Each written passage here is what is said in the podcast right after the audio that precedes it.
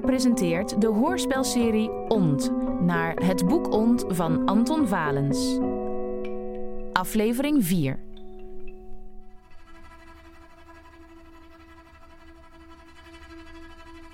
Ik ben ervan overtuigd. Het grootste deel van alle boeken zijn brieven, in de toekomst geworpen met een memento over het gebeurde. Brieven posten restanten, omdat een nadere adresaanduiding ontbreekt. Een poging achteraf een contact met zichzelf te herstellen. En ook met vroegere bloedverwanten en vrienden die nog leven en niet beseffen dat ze vermiste personen zijn. Uit het verhaal IJssel van Abraham Terts.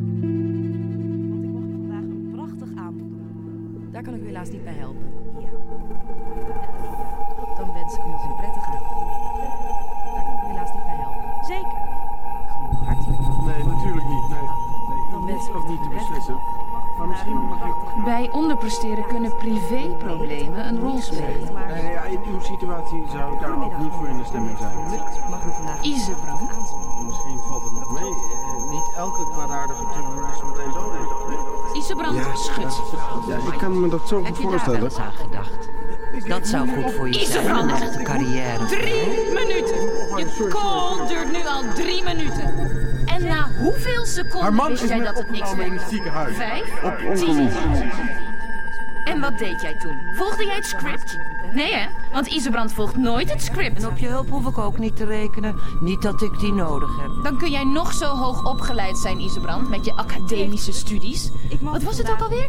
Biologie. En toen nog wiskunde. Maar dat heb jij niet afgemaakt. Iets te moeilijk, biologie. Isebrand. Maar Fantastische heb je carrière ook nog Georgisch gestudeerd, meegehaald met wiskunde. En dat heb jij ook niet Jammer dat afgemaakt. je dat niet hebt afgemaakt. Wij kunnen geen carrière maken, hè, Isebrand? En daarom zitten wij hier onze tijd uit. Omdat wij denken dat onze chef een beetje dom is. Domme man, jij merkt niets. Die laat mij rustig zitten waar ik zit en dan ik Zo'n vrouw als Manja. Heb je daar wel eens aan gedacht? productie gebruikt worden. En daarom volgen wij hier het script. Allemaal. Want wij zijn money driven. Deze business is money driven. En dat ben jij niet, Isebrand. Daarom is er hier voor jou geen plaats. Jij past hier niet, Isebrand. Goed, dan houdt het hierbij op. euro. In een kapitalistische vreedbui hebben we direct opgemaakt tijdens een weekendje Biarritz. Alles bij elkaar precies 50.000 euro. Bij je vrienden hang jij de kunstminnaar uit, maar ik moet het doen met 200 euro van die twee gitaristen. Voor een wip doe je je slip uit. Maar als je geen wip maakt, kijk je sip naar de schaamlip van een hippe kip. Heb jij eh, gebloot of zo? Paddenstoelen? Schaamlip van een kip. Kippen hebben helemaal geen schaamlippen. Jij geeft alleen om geld dat je aan jezelf spendeert. Waarom verkoop je niet wat wiet? Je hebt genoeg. Die is toch niet van mij? Ontbijten is het begin van het bijten. Het begin van het bijten. Het begin van het bijten. Give me the money. Geld? In the bag. In, in the bag. It's, it's not so much. Wallet. Eh, heb ik niet, heb ik niet.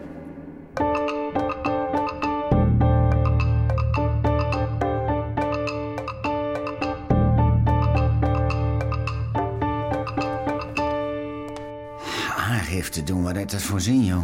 Er ontbreekt iets meer dan 4 euro en verder is het toch geen schade? En, en als hij nou terugkomt, als, als hij denkt van nou dat gaat lekker makkelijk en, eh, bij de dames. Nou ja, zo groot was de buit nou ook weer niet.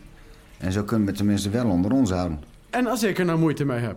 Iedere desperado kan hier zomaar naar beneden komen rennen en mij naar het leven staan. Posttraumatische stressstoornis? Wil je slachtofferhulp? Of wil je misschien een gesprek met een bedrijfspsycholoog? Isebrand, jongen, wij werken niet bij een bank of zo. Wij werken aan de basis en hier moeten we ons eigen probleem oplossen. Politie vind ik alleen maar geëikel. Hoeveel muntjes heb je op zak? Mo- mo- mo- moet ik nu gaan betalen voor mijn eigen beroving?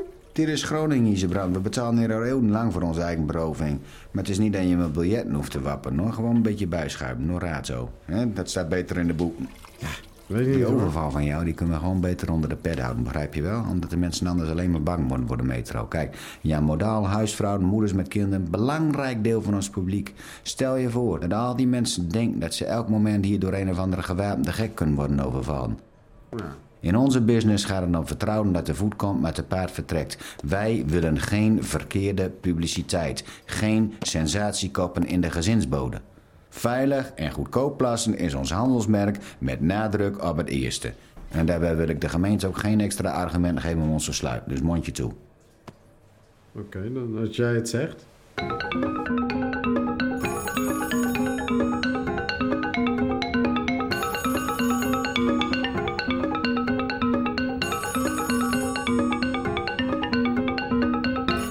Mekkering Consultancy Groningen met Isbrand. Mijn vader heeft me dit nummer gegeven zodat ik de BV altijd kan bereiken. Met wie spreek ik? Robert. Robert Mekkering. De heer Mekkering is momenteel niet aanwezig. Kan ik een eh, boodschap aannemen? Ik moet hem spreken, vandaag nog. Ik ben bang dat ik verder niet veel voor u kan betekenen. Maar waarom heeft mijn vader me dan dit nummer gegeven? Dit is de telefoon van de Groninger vestiging van Mekkering Consultancy. Bij u thuis, in de Hyacintstraat. Eh, nee, nee. Nee, u woont niet op de Hyacintstraat? Eh, nee. Dus dat eh, adres was gejokt. Eh, ja, Op welk adres woont u dan? dat, eh... Geloof me, dit is een noodgeval. Kerkhof, Welk nummer? Zuidzijde, 16D.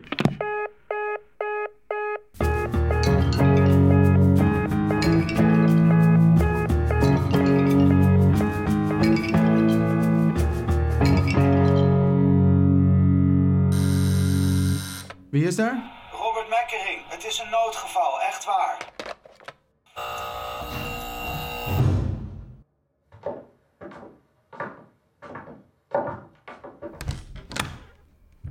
Ah, twee gitaristes. Nou, nee, nooit gedacht dat ik die ooit nog terug zou zien. Echt een prachtig werk. Het hangt hier nu al een hele tijd en ik kijk er elke dag naar. En nog steeds zie ik er nieuwe dingen in. Het is natuurlijk niet van mij, maar zoals je weet van de BV... Ik heb zelf helemaal geen geld om kunst te verzamelen. Maar als ik dat wel had, dan zou ik zulke schilderijen willen verzamelen. Merci. Ik eh, vind het zelf ook echt een van mijn betere dingen. En je komt voor? Mijn vader moet nu maar eens over de brug komen. Die hele tentoonstelling die heeft me meer gekost dan dat hij heeft opgeleverd. En ik ben ook nog mijn treinticket kwijt. Treinticket? Waar naartoe? Nou, krak. Bretagne? Ik kan niet lang achter elkaar in Groningen zijn. Dan explodeer ik. Of kak ik juist helemaal in. Het, het ligt niet aan de stad, het is iets anders. Iets ah, in mezelf. Ja, nou ja, goed. Ik snap het eigenlijk ook niet goed. Nee. Ik raak altijd dingen kwijt. Ik ben een stommerik. Een loser. Mijn vader moet nu maar eens over de brug komen. Laten we maar eens proberen of we je vader in Nieuwbuinen kunnen bereiken. Dan kunnen we kijken of er iets te regelen valt.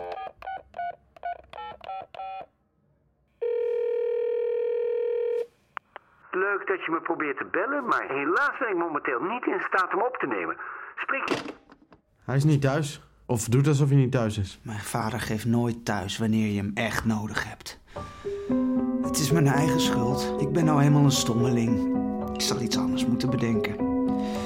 Al die jaren van geploeter in de stront, van klotenbaantjes, armoede, materiaalgebrek en ga zo maar door. Terwijl hij zich wentelt in het geld. Dacht je dat ik in zo'n kutlijstenmakerij aan het Boterdiep zou exposeren als hij me ooit financieel had ondersteund? Al was het maar een klein beetje, een symbolisch bedragje, begrijp je? Maar nee hoor, nee niks, nee, alles voor zichzelf. En die nieuwbuinense eh, vrouw, die alleen maar uit is op zijn geld. En dat zegt hij nota bene zelf. Ze is mijn leeftijd, wist je dat? Maar ik, zijn oudste zoon, kan creperen, vernederend. Weet je wat zoiets met je doet? Je wordt er eh, boos van? Depressief zul je bedoelen. Maar goed, het is mijn eigen schuld. ik ben nou eenmaal een rund. Wie denkt er nou dat hij kan bestaan van zijn schilderijen? Dan moet je wel echt een stomkop zijn. Robert, laat mij je treinticket naar Kach voorschieten. Ik zal wel zien dat ik het geld van je vader terugkrijg. Nee, dat kan ik niet van je aannemen.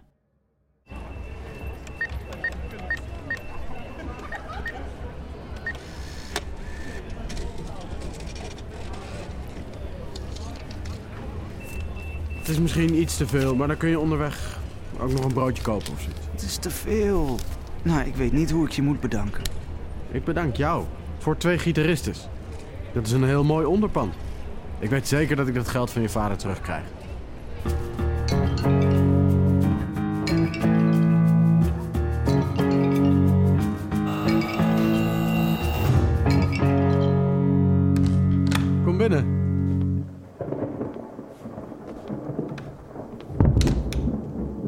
Gebeurd?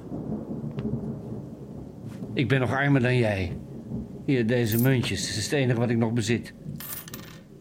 Hoe bedoel je? Ik ben berooid. Je hebt een tegenvaller gehad. Alles is verloren. Ga zitten. Eh, zal ik wat koffie zetten? Nee, dank je. Ik moet aan een parkeermeter denken. Wat een klap. Ik was een tijdje gestopt, maar donderdag of vrijdagavond laat, ik weet niet meer precies, ben, ben ik weer begonnen. Had ik nooit moeten doen. Ik was niet helder. De markt was onrustig. Ik had mezelf beloofd vrijwel niets te doen, maar toen begon de zandenkraam opeens als een idioot te dalen. Ik verloor de controle. Ik had meteen moeten slikken en mijn verlies nemen en eruit stappen. Maar er was iets waardoor ik bleef hopen. Nou ja, later was het meer wanhopen. Nog dieper, dat kan toch niet? Hoor je wel hoor. Je gaat stroom van komen, dacht ik. En ja, het bleef maar zakken. Van het ene bodempeil naar het andere. Het zakt nog steeds. Enfin, ja. Ik ben van het weekend meer dan 2 miljoen kwijtgeraakt. Wat? Hoeveel? Ongeveer. Kan ook 2,5 zijn. En nu? Ik ben onderweg naar mijn moeder. Kijken of ik een pinpas kan lenen. Gelukkig heb ik de Mercedes vorige week nog volgetankt, dus ik, ik kan me nog even verplaatsen. Heb je zin om mee te gaan? Nou, Nou, dan ga ik er maar meteen vandoor. Voordat ik een bon van de parkeerpolitie onder mijn ruitenwisser heb. Dat kan Bruin nu echt niet meer trekken.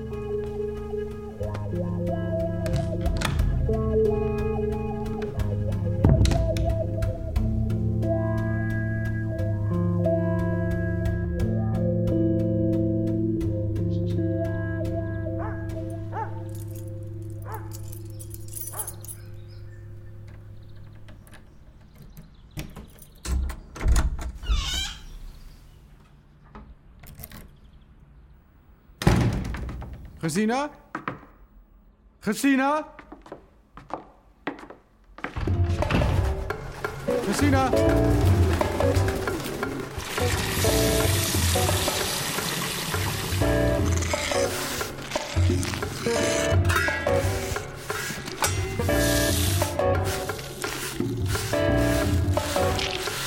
Gadverdamme, gadverdamme.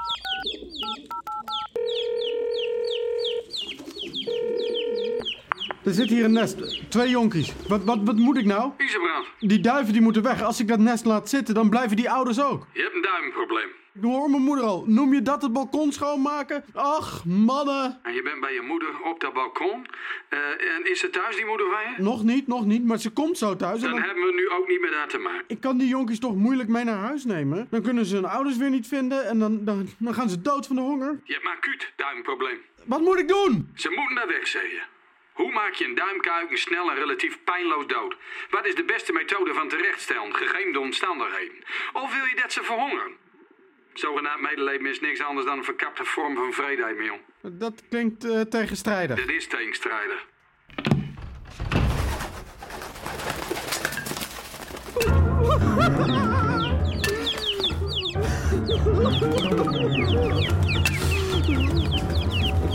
ratten. Het zijn net ratten. Het zijn net ratten.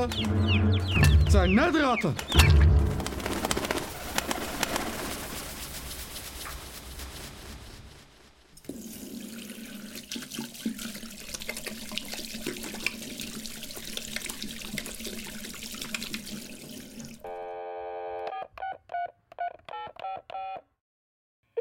Leuk dat je me probeert te bellen, maar... U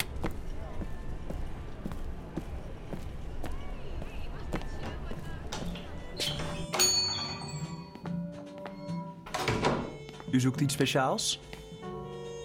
Ja, ja, iets anders. Dan? Ja, iets anders. Iets anders zal het zijn. Eh, hoeveel platen had je gedacht?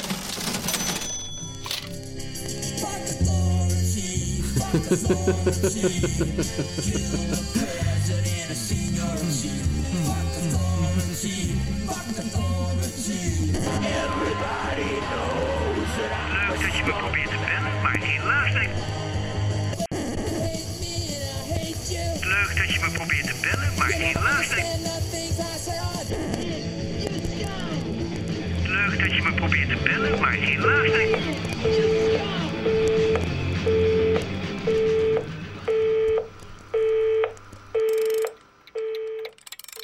Cordy komt niet meer.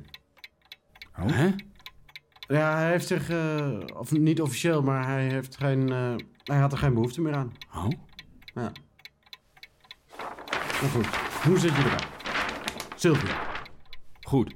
Eh, studio is afgetimmerd. We repeteren een paar keer per week, Alex en ik. Eh, en we hebben ons ingeschreven bij de Kamer van Koophandel. Eh, begin december doet Scarlett Morvo mee aan talentenjacht in Simplon. Scarlett wat? Scarlett Morvo, onze band. Oh. Het zal niet lang meer duren voordat ik fulltime kan gaan uh, VJ'en. Ik ben begonnen met sporten, een paar keer per week. Zes kilo kwijt. En ik heb een vriendin. Maar dat, is- dat is te gek, Silvio. Dat is, eh, dat is geweldig. Ja, voel me ook goed. En jij, Jean-Luc? Nou, niet zo goed. Hoezo dat? Ik zit dus in een schuldsaneringstraject van het UWV. Maar ja, er valt niks te saneren. Ik heb helemaal geen geld. En ik moet binnenkort voorkomen. Ze hebben geschat hoeveel die wietplantage heeft opgeleverd. 65.000 euro, zeggen ze. En ik moet nu terug gaan betalen. Dat is belachelijk. Plus een strafkorting en een idiote boete. En dat niet alleen, hè. Dus de politie heeft ook nog een rekening gestuurd. De politie! Wie heeft er nou ooit van gehoord dat de politie een rekening stuurt? Voor de ruiming van de plantage. Ik moet gaan dokken voor mijn eigen ruiming. En Ja. eh, hebben we nog de woningbouwvereniging. Die heeft me aansprakelijk gesteld voor de schade aan Hyacinthstraat 23b en 23a. Eh, dat is toch absurd? En dan is er ook nog een boete van Eneco voor, voor, de, voor het rommelen met de meter. Wat valt er nou te lang, Silvio? Mijn buren willen me niet eens meer groeten. Oh, alweer een, een goed probleem. Silvio. Man. Ja, eh, oh, ja oké. ja, sorry, sorry. Willen jullie dat ik verder vertel? Of, eh? Ja, uiteraard, uiteraard. Een paar weken later belde ik aan bij 23a. Deed die onderbuurman dit open. Ik zei, ik wil even komen praten met je. Nee, Jean-Luc, zei hij toen. Mijn vrouw en ik hebben geen zin meer om met jou te praten. Maar ja, we kunnen elkaar dan toch misschien wel wat groeten, vroeg ik. Nee, Jean-Luc. We hebben ook geen zin meer om je te groeten. Stelletje asociale figuren. Echt van die, van die achterbuurt... Achterbuurt wat? Achterbuurtgriebes. En hoe zit het met die, met die, met die dealer? Ik heb hem nog niet echt gesproken of zoiets, maar eh, ik heb wel gehoord dat hij er niet blij mee is. Er is al twee keer aangebeld, maar ik heb niet open gedaan. Ik ben plat op de grond gaan liggen. Ik heb gewacht dat hij weg was. Maar ja, ik, ik hoorde via via dat ze naar me op zoek zijn. Hm, ik weet niet, maar jou dus eh, gaan logeren tot de eerste storm is over geweest. die laten me heus niet binnen, die jagen me weg. En, en van het UWV mag ik trouwens de stad niet uit. Maar je blijft toch wel bij man en post komen, hè? Dan heb je nog een beetje structuur in je leven. Ja, precies. Je moet wel door met Ja. jou. hè? Structuur is een mooi ding hoor, Jean-Luc. Ja. Ja. Jean-Luc, wat heb je in je postvakje? Dit. Een smal boekje? Volgens mij niet. Ik kan voelen dat er in het midden iets hards zit. Misschien is het mildvuur. Antrax? Ja, maar stel jou wijm, hooi. Het is gewoon hooi. Dat glimmende dan? Wat is dat? Een kogel? Oh, oh, oh, oh, oh, Jean-Luc, Jean-Luc. Oh, man, man, man, lu- luister naar me. Ah, oh, als ik het zeg, adem je uit en dan weer rustig in. Dan gaan we uit. Twee, drie, goed. Vier, goed. Vijf, heel goed. En nu heel weer rustig in, Jean-Luc, rustig in. Twee, drie, en weer uit. Bla, blazen maar. Goed. Jean-Luc, Jean- Jean-Luc, hier. Neem één, twee of ja, drie van die pilletjes. Een slokje water. En weer rustig, blijf maar uitla. Ja, blazen maar. Blazen. Oh, het gaat wel een beetje. Ja. Jean-Luc, dit... Ja. God, het lijkt me toch meer iets voor de politie dan voor man en post. Ja, als ik naar de politie stap, dan krijg ik zeker een dik vet kruis door mijn naam. Die dealer heeft overal contacten, zelfs bij de politie. Hier, neem die rest van die pilletjes dan ook maar mee. Wat moet ik in? Ik, ik kan niet eens naar huis. Ja. Maar we moeten iets, iets doen. Ja, ja, natuurlijk moeten we iets doen, maar jij niet, ik niet. En ook wij, wij samen niet kunnen dit voor hem oplossen. Er is geen ruimte Ja, thuis. ja, ja, je bent niet je broeders hoeder, toch? Ja.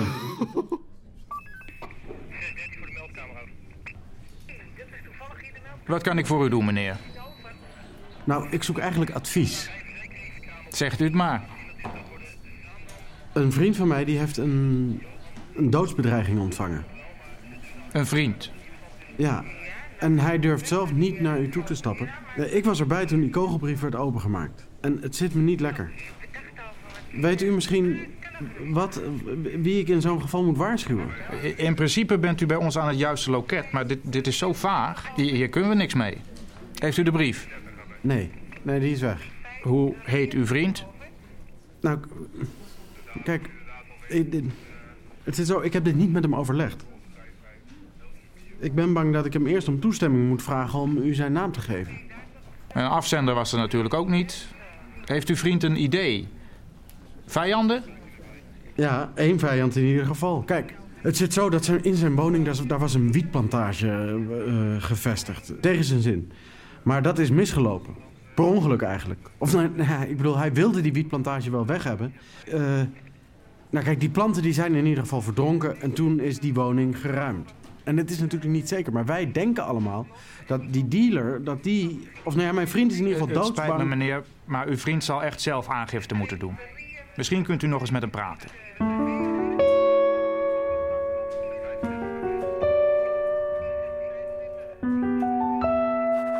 Zo, schrijven in werktijd. Een beetje. Hoe vaak leeg jij je schoteltje, Isebrand? Ja, vaak genoeg. Vaak genoeg hoor. Vaak genoeg, vaak genoeg. Wij hadden bij de bond dan we een jongen uit Grijpskerk. De bond? Een grunnige bond. Arends. Dat was de zoon van nanemer.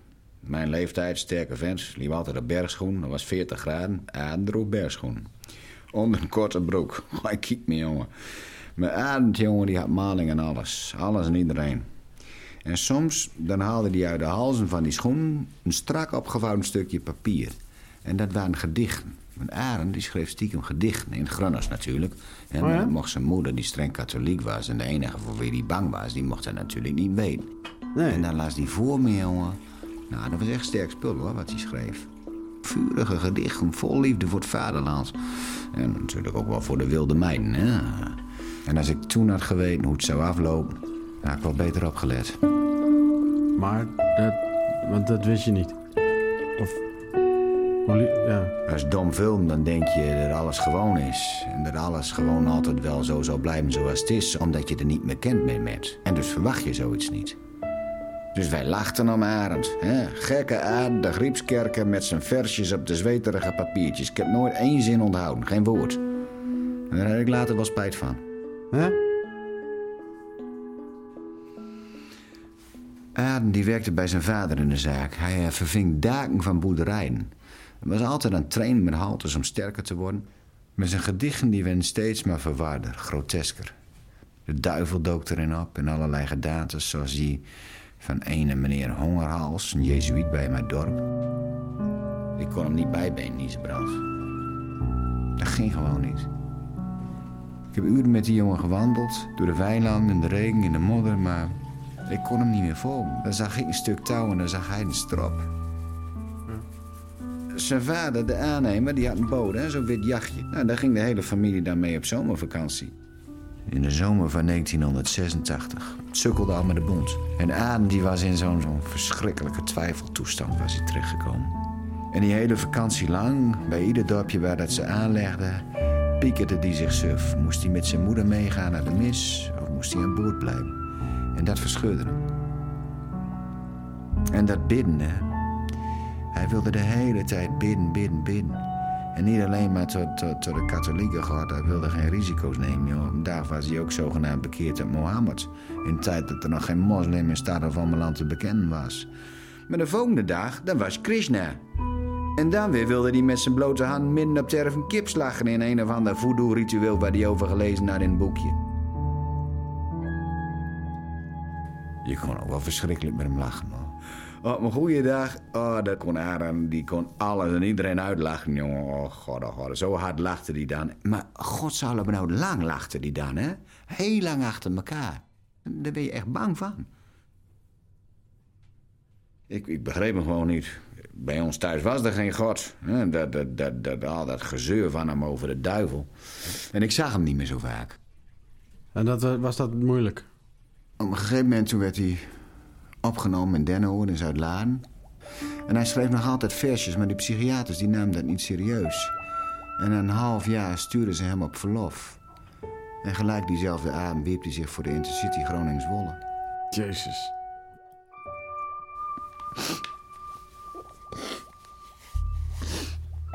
Ja, joh. bloed op de ramen van die trein van voor naar achter. We waren met z'n allen, met de hele bond, alle jongens, waren we bij de begrafenis. Meijer was er ook bij. Ken Meijer, dat is de oprichter en de aanjager van onze beweging. Arend die lag met bergschoenen aan de kist. November. Regenachtige dag. Klein kerkje. Dat was mijn eerste begrafenis. En mis je hem nog steeds? Die Arend. Arend was eh, getikt. Ik kon niet in de kreukels van die grunnige kinkel kieken. Nee. Hm. Weet je wat jouw probleem is? Je bent te braaf. Braaf, braaf, braaf, braaf, braaf, braaf, braaf, braaf,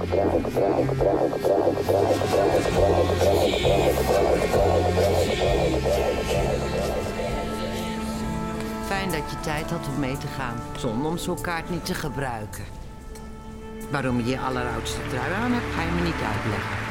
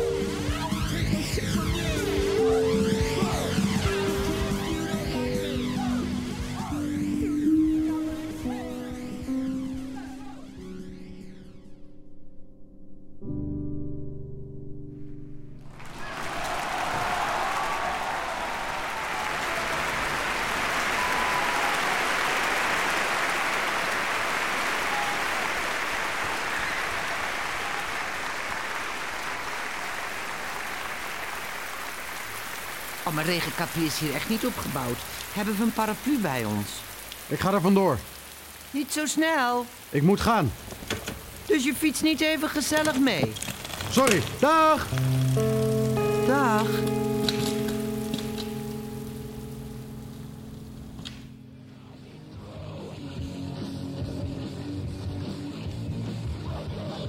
Vroeger bestonden er speciale baantjes voor mensen zo.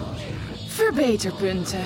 Zal ik ze nog Give maar me een keertje money. opnoemen? Oh, in the back, in, in the back, in the back, in the back. It's, it's not so much. Wallet, heb ik niet, heb ik niet. Het zijn net alles moet efficiënter, professioneel. What's the use je leven en talenten te verruineren op een plek waar je zijn net ratten. Is hij soms eenzaam?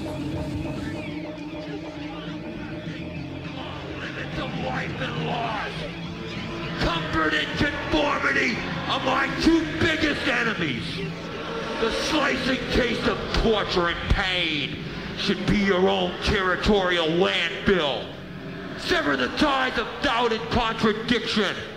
Misery will create vital fulfillment and excitement when you realize the wonderful grave you are in reality creating.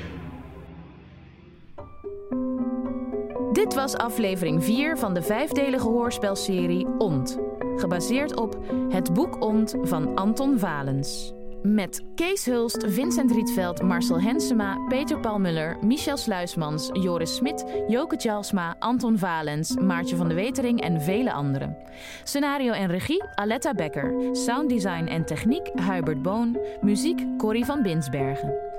Ont is gemaakt voor de NTR door Aletta Becker Producties met steun van NPO en Mediafonds. Meer informatie of terugluisteren? Ga naar www.radio1.nl of woord.nl.